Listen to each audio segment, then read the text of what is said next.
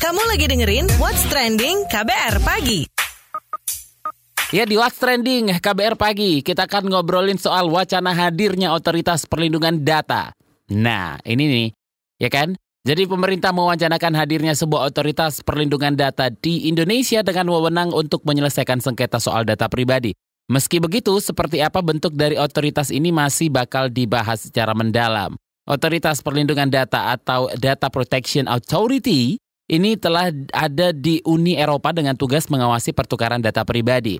Pembentukan lembaga ini diatur melalui regulasi umum perlindungan data atau General Data Protection Regulation GDPR dan juru bicara Kementerian Kominfo Ferdinand Setu mengatakan atau otoritas ini di Indonesia direncanakan baru akan ada setelah RUU Perlindungan Data disahkan. Nah, ini yang harus dicatat ya.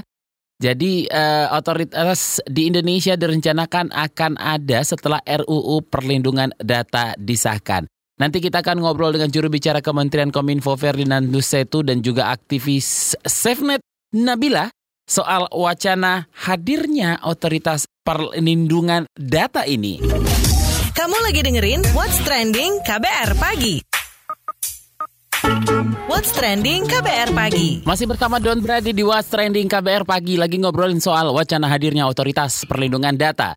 Jadi anggota Komisi 1 DPR RI Mutia Hafiada Hafid menilai kesadaran masyarakat Indonesia terhadap perlindungan data pribadi itu masih minim sebenarnya ya.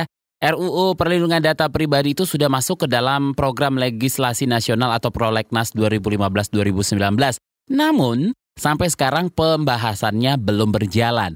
Sampai sekarang aturan perlindungan data pribadi di Indonesia masih tersebar dalam UU UTE uh, Undang-Undang Administrasi Kependudukan. Nah, ya kan? Serta kebijakan sejumlah lembaga seperti aturan Bank Indonesia tentang layanan keuangan digital atau LKD. Lebih jelas soal otoritas perlindungan data ini kita bahas bareng juru bicara Kementerian Kominfo Ferdi Nandus Setu.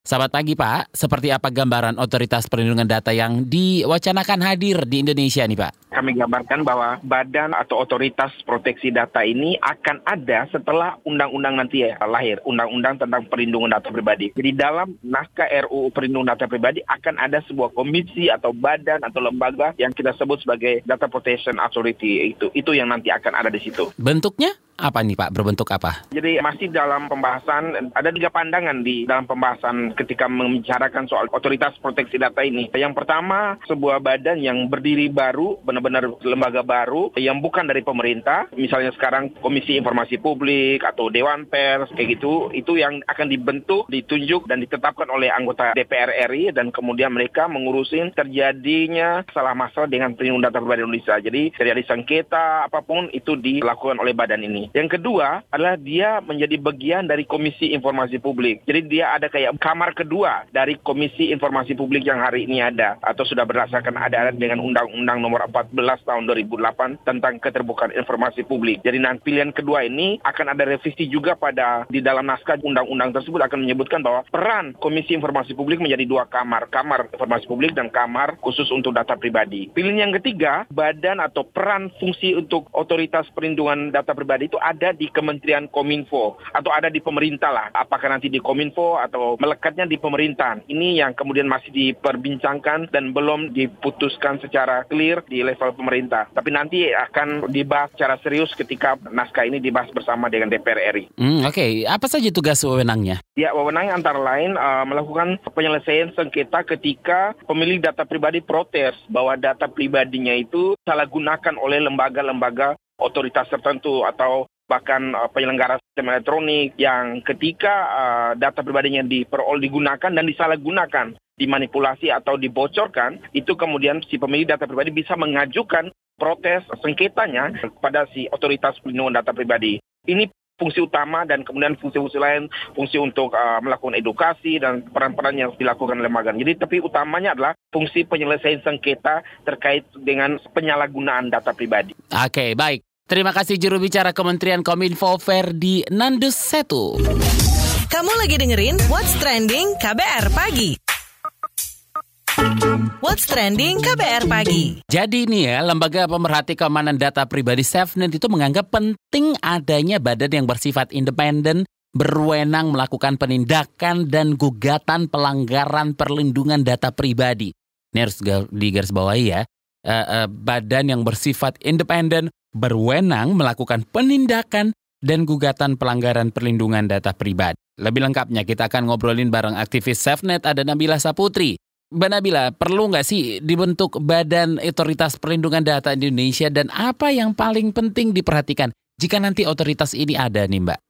Ya, kalau misalnya dibentuk badan sih perlu banget ya. Karena kan ini menangani tentang data pribadi. Jadi memang ada banyak mengenai data pribadi sendiri. Di admin juga kan dilakukan yaitu seperti nama, tanggal lahir, dan lain sebagainya. Gitu. Terus habis itu tentang bagaimana data pribadi itu boleh disadap atau boleh di, dilakukan perekaman hingga nantinya bisa ditampilkan di pengadilan. Nah, yang paling signifikan itu adalah pendefinisian lembaga otoritas itu tadi mengenai data pribadi atau informasi pribadi. Terus habis itu pengecualian dalam hal privasi gitu. Dan juga ya seperti siapa yang dapat meminta akses informasi pribadi terusnya bagaimana mekanisme mekanismenya itu kan sangat diatur. Oke, bentuknya seperti apa yang dirasa tepat menjawab kebutuhan di Indonesia? Ya karena ini kan menyangkut tentang data pribadi, di mana spesifiknya itu memang mencakup semua data gitu, bahkan data kerahasiaan tentang kesehatan dan juga data tentang akses-akses ekonomi kita seperti kredit card dan sebagainya harusnya lebih independen. Dan juga mereka pun ya seperti halnya dengan komite-komite yang lain seperti KPK gitu memang punya kewenangan dalam penindakan dalam dari pengadilan gitu. Jadi ada intervensi-intervensi dengan pengadilan gitu terkait ini. Karena kita pun harus punya komite komite atau komisi yang memang bisa melakukan suatu gugatan kalau misalnya suatu data pribadi seseorang itu dilanggar oleh pemproses data ataupun oleh orang lain. Oke, okay, masih uh, perlu meski sudah ada aparat penegak hukum nih Mbak? Perlu, perlu banget karena pembentukan komite gitu atau komisi dalam data pribadi ini gitu untuk mengotorisasi uh, mengenai data pribadi ini karena untuk melihat tentang kompatibilitas ataupun tentang bagaimana audit-audit data pribadi yang ada di sana harus ada yang bisa mengecek gitu. Kalau misalnya hanya aparat penegak hukum saja dirasa kurang gitu. Di, selain memang uh, karena keterlibatan aparat penegak hukum lebih kepada hal-hal yang menyangkut tentang pemidanaan dan lain sebagainya itu harus ada suatu komite yang bisa menggugat apabila suatu pelanggaran data pribadi ini terjadi. Karena ini mengerikan ya, kita pun nggak sadar bahwa ada orang yang ternyata memakai data kita untuk keperluan marketing kartu kredit dari suatu perusahaan gitu menggunakan nomor pribadi itu kan sebenarnya merupakan suatu pelanggaran gitu. Karena mungkin dia adalah bagian dari pemroses data gitu makanya nggak dilakukan tindakan yang lebih lanjut. Baik terima kasih aktivis SafeNet Nabila Saputri. Kamu lagi dengerin What's Trending KBR Pagi What's Trending KBR Pagi. Ini dia Miss KBR. Penasaran sama komentar Miss KBR? Ini dia Miss KBR. Suka ngeri nggak sih kalau nyimpan data apalagi itu data penting maksudnya ya ke dalam handphone beberapa aplikasi atau bahkan website apalah itu kan ada tuh yang minta akses ke dalam data kita di ponsel. Nggak cuman itu aplikasi pinjaman online loh ya, Stamis KBR sih. Secara kan kita ini belum ada yang namanya undang-undang atau sekadar aturan yang khusus melindungi data pribadi kita, ya kan? Kabarnya sih segera ada tuh undang-undang perlindungan data pribadi. Uh, dari kapan tahun cuman sebatas katanya doang. Mungkin kurang seksi kali ya buat para anggota dewan atau pemerintah. Tapi ya, pemerintah itu kan punya rencana bakal bikin otoritas proteksi data alias lembaga khusus untuk melindungi data pribadi.